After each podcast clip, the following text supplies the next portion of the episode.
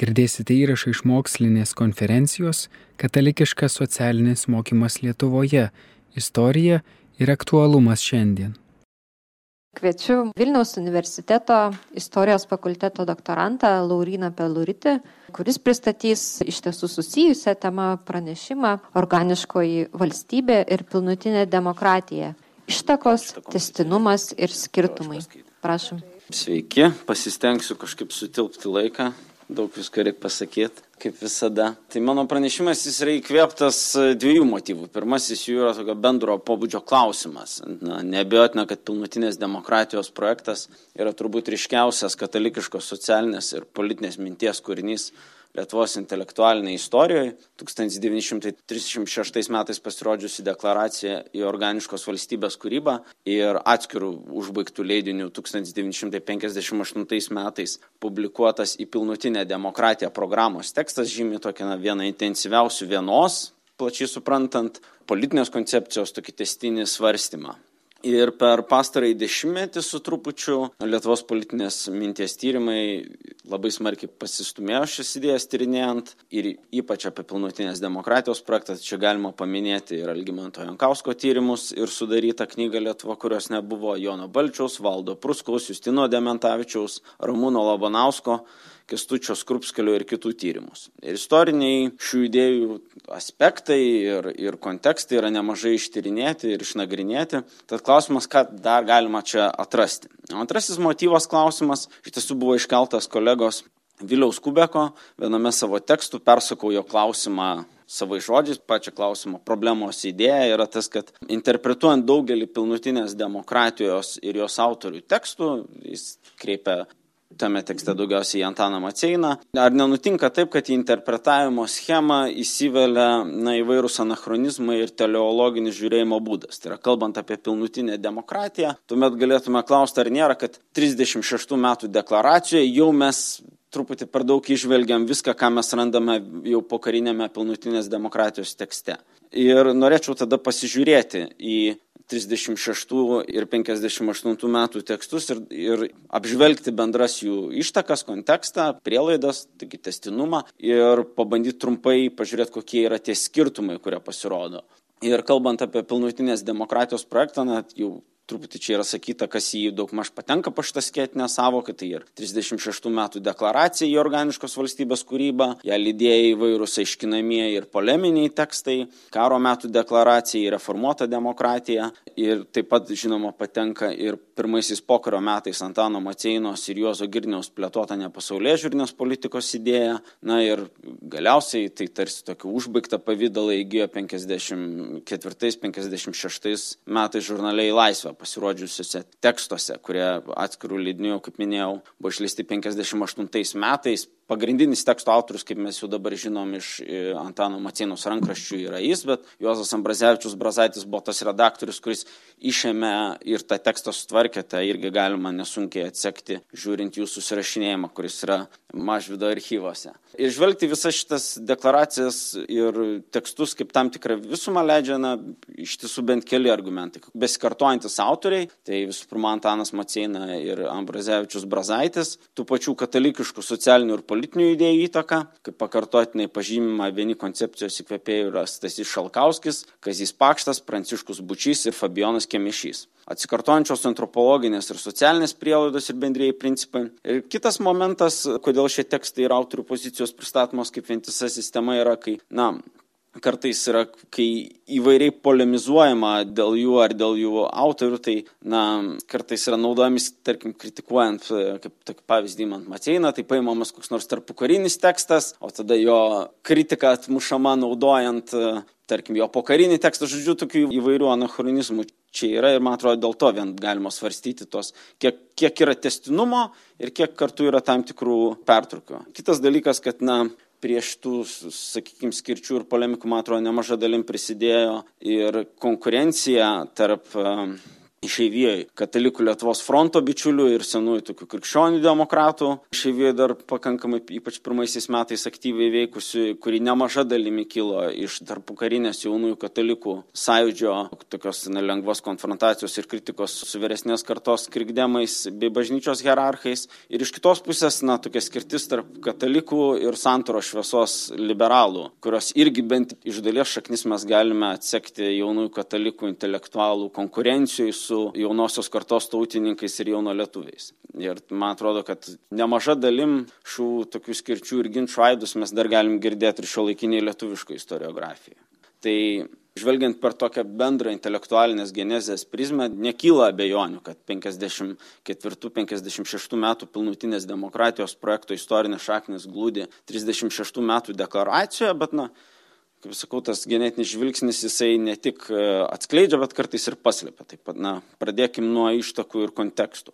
Pilnutinės demokratijos ištakos, na, kaip nuolatos pažymima, glūdi visų pirma Stašio Šalkausko filosofija, apskritai pilnutinės demokratijos terminas yra jo kūrinys. Algimantas Jankauskas yra publikavęs prieš mirtinį Stasio Šalkausko rankraštį, kuriame išdėstoma jo įsivaizduojama pilnutinės demokratijos schema. Šalkausko vartojamas būdvardis pilnutinė yra greičiausiai vertimas prancūziško ir atsiprašau užtarti žodžio integral.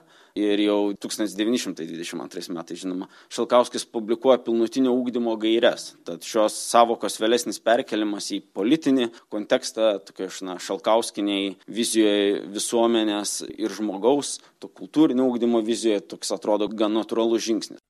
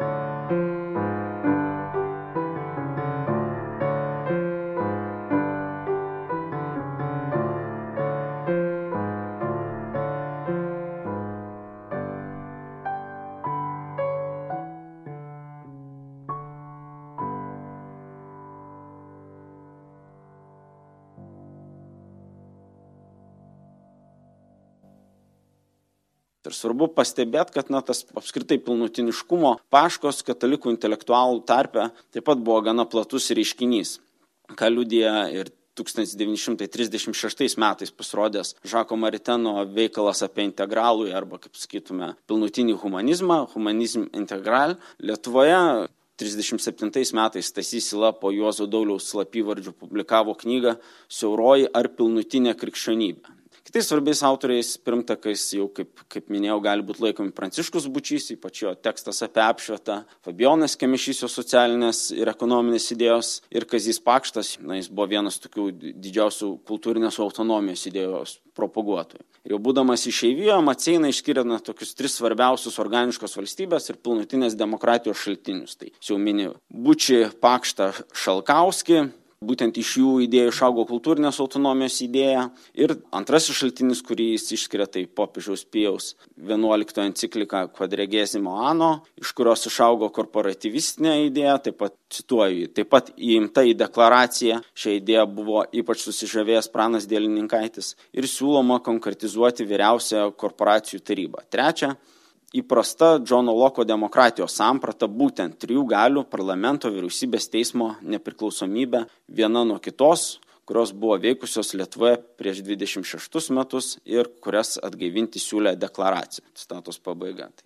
Remiantis šią refleksiją būtų galima ar ne nesunkiai rekonstruoti tos na, svarbiausius kontekstus idėjinius. Ir galima dar pastebėti, kad tikrai didelės reikšmės organiškos valstybės koncepcijai turėjo 26 metų Šalkausko straipsnis momento reikalai ir principų reikalavimai. Ta Šalkausko įtaka ypač akivaizdi žvelgianti tai, kaip suprantamos skirtingos žmogaus gyvenimo sritis ir jų valdymo principai. Politinė sritis, individas, politinė partija, centrinė valstybės valdžia ekonominė socialinė sritis, individas, profesinė organizacija, ekonominiai valstybės rūmai, kultūrinė dvasinė sritis, individas, kultūrinė autonominga bendruomenė, vyriausiai kultūros taryba, teritorialinė sritis, individas, provincialinė savivaldybė, centrinė valstybės valdžia. Tai ir pokarių tas na, grįžimas prie Šalkausko nukauto pilnutinės demokratijos termino, man atrodo, jis yra neatsitiknumas ir tas visą laiką stengiamasi išlaikyti, na, kad tarp individo ir, ar, ar sakytume, asmens žmogaus ir valstybės būtų kažkokia tarpinė bendruomenė. Ir iš esmės visi autoriai nagrinėja pilnutinės demokratijos idėjas ir jaunųjų katalikų intelektualinį sąjūdį tarpukario Lietuvoje atkreipia dėmesį į katalikų bažnyčios socialinio mokymo šiems klausimams skirtų popiežių enciklikų reikšmę. Ir jau minėtos enciklikos ir Rerum Navarum yra dar kartą išleidžiama 31 metais lietuvių kalba ir tais pačiais metais, kaip žinom, pasirodo Kvadregėsimo Ano. Ir į organiškos valstybės kūrybą didelė dalimi atkartojama Rerum Navarum idėjinė linija. Įtariamai žvelgiama tiek į liberalizmą, nevaržomą kapitalizmą ir individualizmą, tiek į socializmą, etatizmą ir kolektyvistinės ideologijas. Svarbus, žinoma, buvo ir lokalus ideologinis politinis kontekstas, neigiamai įvertinamas Lietuvos parlamentarizmo laikotarpis, kaip valstybė ir tautą kiršinantis įvardyjamas partinis susiskaldinimas, tuo tarpu po 26 metų perversmo įvestas autoritarinis režimas įvardinamas kaip pereinamasis laikotarpis ir kritikuojamas kaip sustingimas. Lietuvos politinė sistema deklaracijos autorių neigiamai vertinama greičiausiai buvo ir dėl to, kad viena vertus jiems atrodė nepriimtini nemažos dalies liaudininkų, socialdemokratų ir jaunųjų tautininkų antibažnytiniai ir laicistiniai sentimentai, iš kitos pusės dėl jaunųjų katalikų gana antiklerikalinės, kaip dabar sakytume, pozicijos ženklė dalimi įkvėptos būtent popiežių enciklikų kvietimo į bažnyčios gyvenimą bei socialinį veikimą įstraukti katalikams pasauliečiams. Tai dėl to jiems buvo ir kiek svetimi senieji krikdemai. Tokia vidinė kritika dvasininkijai iš katalikų pasauliečių tarpo gerai iliustruoja Jono Griniaus, Juozo Ambrazevičius Brazaičio ir Ignos Krupskelio straipsnis Panaikinkime piktą iš savo pačių tarpo. Maža to, jau irgi kaip minėta, 36 metų birželį uždarius krikdemišką laikraštį rytas, jo vietą iš esmės užėmė po kelių savaičių pradėjęs eiti 20 amžius, kuriame jaunoji katalikai užėmė nu, tokią žymiai ryškesnę ir svarbesnę vietą nei iki tol.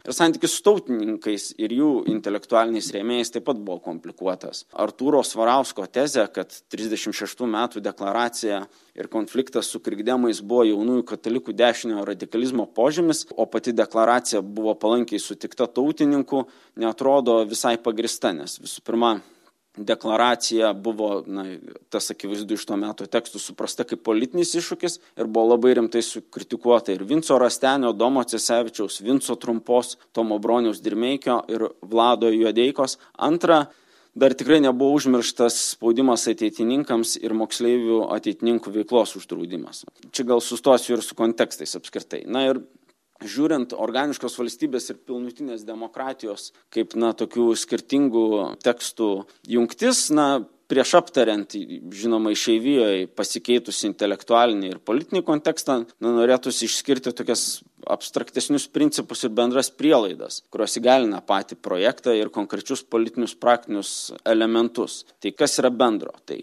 pirmasis dalykas akivaizdus abiejuose tekstuose tai yra personalistinis principas ir sąžinės laisvė.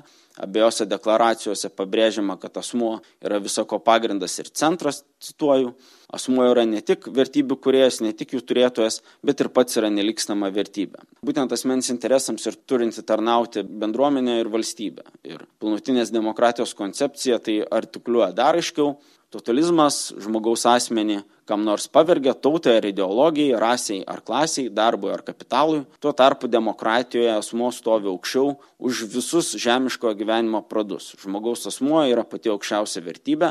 Demokratija šią vertybę pripažįsta ir stengiasi valstybės gyvenime ją išreikšti. Demokratijos pagrindą sudaro asmens pirmumas prieš bendruomenę. Na ir ta personalistinė tezė jinai pasirodo ir įvairiuose kituose tekstuose bet čia galima apskritai atkreipt dėmesį į bendrą katalikiškos filosofijos kontekstą. Neabejotina kad dalis organiškosios valstybės deklaracijos autorių buvo susipažinę jau trisdešim šeštais metais su prancūzų personalistais ir kaip tik trisdešim šeštais metais labai panašiu laiku žurnale esprit pasirodė na žurnalo redaktoriaus emanuelio munje personalizmo toks manifestas. Ir galima pridėti kad pokariu krikščioniško personalizmo įtaka tik sustiprėjo. Keturiasdešim septintais metais pasirodė vienas tokių reikšmingiausių žako mariteno tekstų asmuo ir bendrasis gėris kuriame taip pat aptariama skirtis tarp asmens ir individo ir valstybės. Ir kartu perspėjama dėl radikalaus jų pajungimo vienas kitam ar supriešinimo ir atskyrimo antrasis toks ryškus elementas jungiantis abu tekstus tai yra tautiškumas ir valstybė abiejose deklaracijose labai aiškiai pasirodo valstybės kaip tautinio projekto idėja. Čia kaip atkreipė dėmesį justinas dementavičius čia gal nėra nieko keisto nes tarpukariu dar buvo labai gyva ir svarbi tautų apsisprendimo teisės idėja. Ir į organiškos valstybės kūrybą valstybės funkcija yra apibrėžiama kaip kultūros globa o kultūra suprantama kaip tai kas sujungia konkretų asmenį su tauta.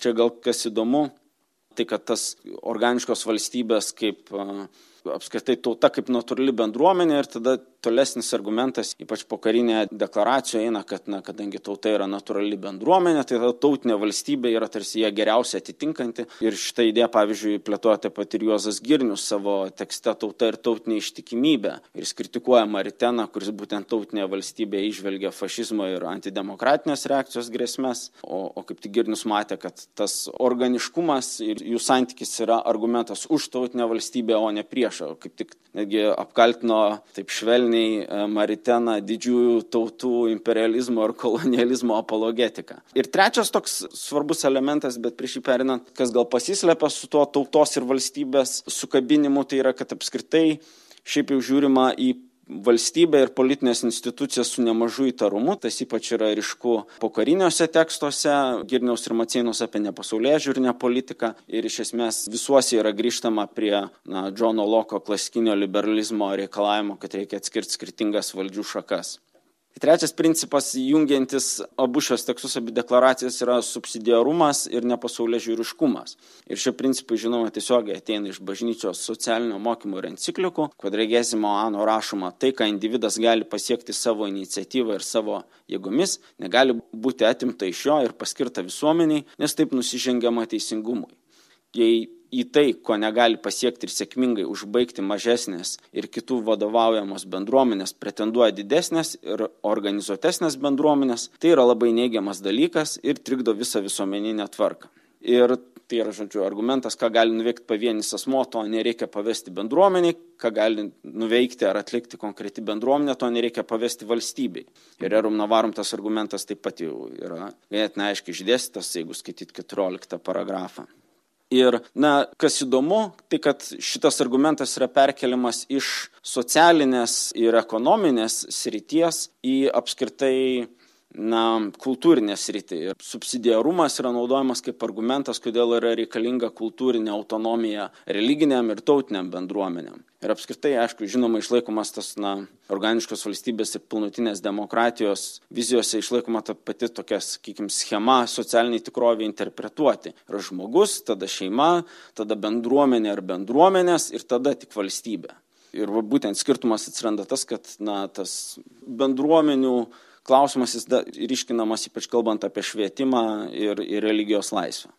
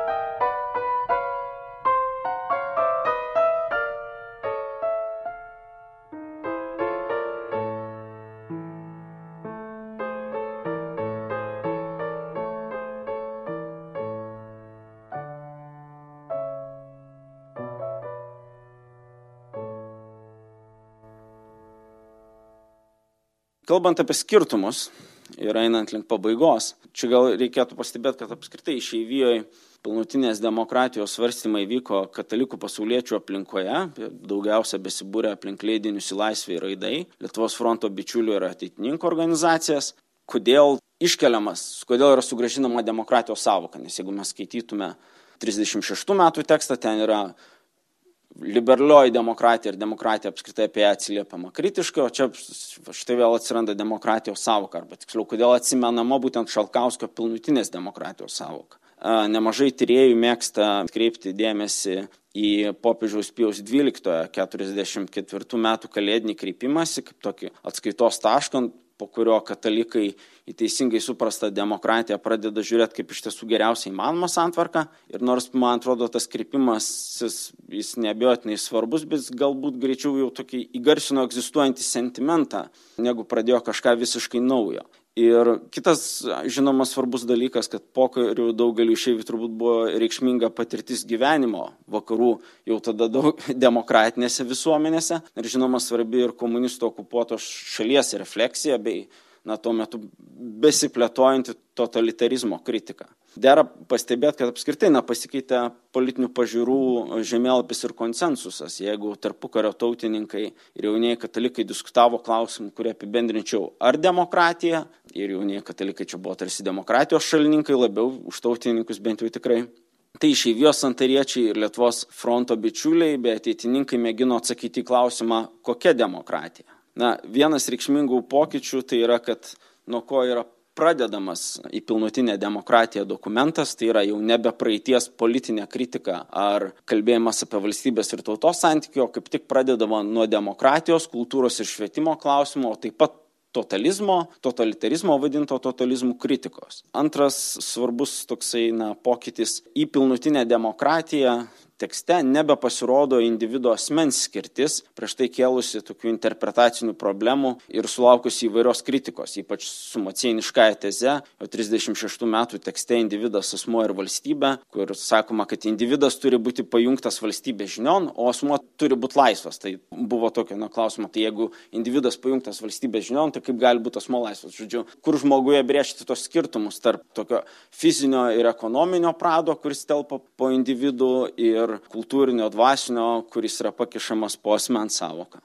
Reikšmingas dar vienas pokytis tai yra, kad apskritai atsiranda naujas įdomus akcentas tai yra tarptautinis suverenumas ir e, bandoma reflektuoti Lietuvos padėtį busimoje Europoje. Jeigu organiškos valstybės, na, organiškoje valstybėje buvo apsiribota vien na, tautinės valstybės rėmas, tai pilnutinė demokratija tekste jau žvelgiama gerokai plačiau. Ir čia, aišku, galbūt jau buvo reakcijos į Europos anglių ir plieno bendrijos įkūrimą 51 metais. Žodžiu, yra numatoma, kad Lietuvai tapus nepriklausoma, norint išlikti ir stiprėti bei pasirūpinti piliečių interesais ir gerbuviu, ji turės su kitomis valstybėmis jungtis į viršvalstybinius darimus, tai kas deklaracijoje vadinama ant valstybė. Ir toks darinys taip pat turės būti valdomas demokratiniais pagrindais.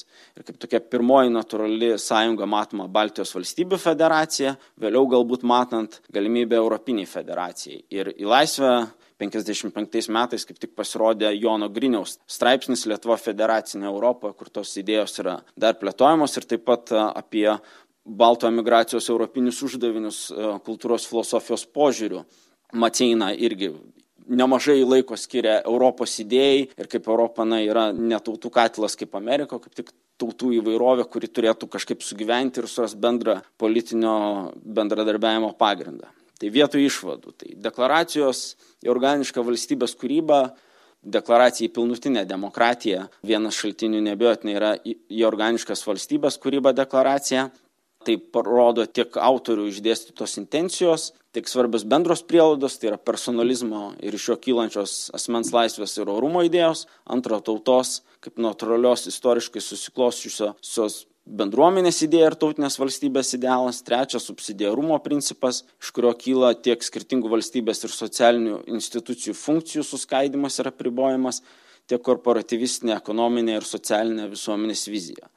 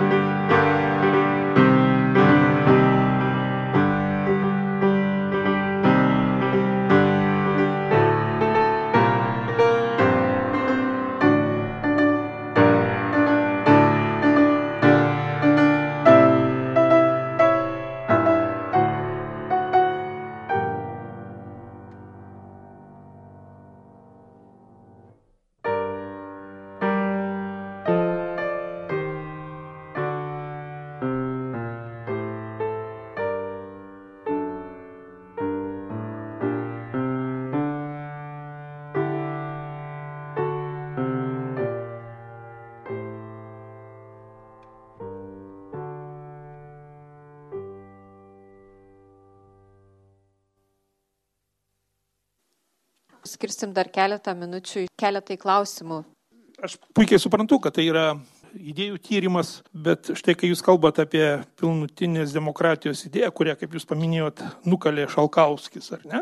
Kyla klausimas, ar tai lieka tik kaip idėja, kaip tekstuose, ar iki prieškarinėje Lietuvoje gal kažkas tai buvo panaudota praktikoje, materializuota atsakant į klausimą, kuris man buvo užduotas, ar buvo kažkas praktikoje. Aš kažkaip galvoju iš pradžių ne, bet po to, na, buvo gal, sakykime, intencijos praktikoje, nes uh, šitos deklaracijos autoriai, jie viena vertus pasisakė už civilinės metrikacijos įteisinimą civilinės santokos. Ir čia irgi buvo ryškus konfliktas su dalimi viskupų, nes jie mane, kad kadangi yra organiška valstybė, turėtų numanyti kultūrinę autonomiją, tai jeigu yra žmonės, kurie yra bedievi, kurie yra laicistai, tai jiems santoka irgi turi būti duodama taip, kad neprevartauti jų sąžinės. Tai čia buvo, man atrodo, toks jiems svarbus klausimas. Iš dalies galbūt galima matyti uh, Maceinos paskaita apie socialinį teisingumą, kur virto knyga ir konfliktas, bet jie ne visi ten vieningai ir vienodai pritarė jo socialiniam idėjom, kiek ten bažnyčia turi išdalinti turtus, bet na,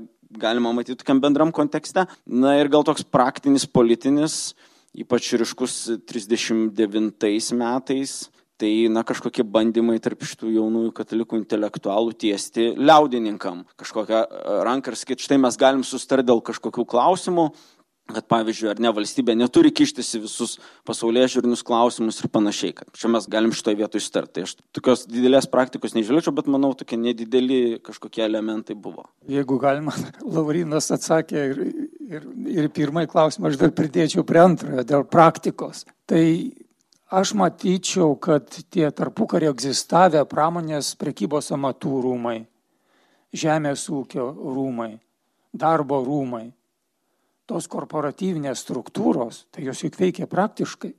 Ir dabar net formaliai mes turim mūsų valstybės administraciniai sąrangoje šitos darinius, bet kiek jie veiksmingi klausimas. Tai va aš tos rūmus matyčiau kaip tos na, visuomenės profesinio atstovavimo ir tos korporatyvinės santvarkos idėjos įgyvendinimą tarpukario Lietuvoje.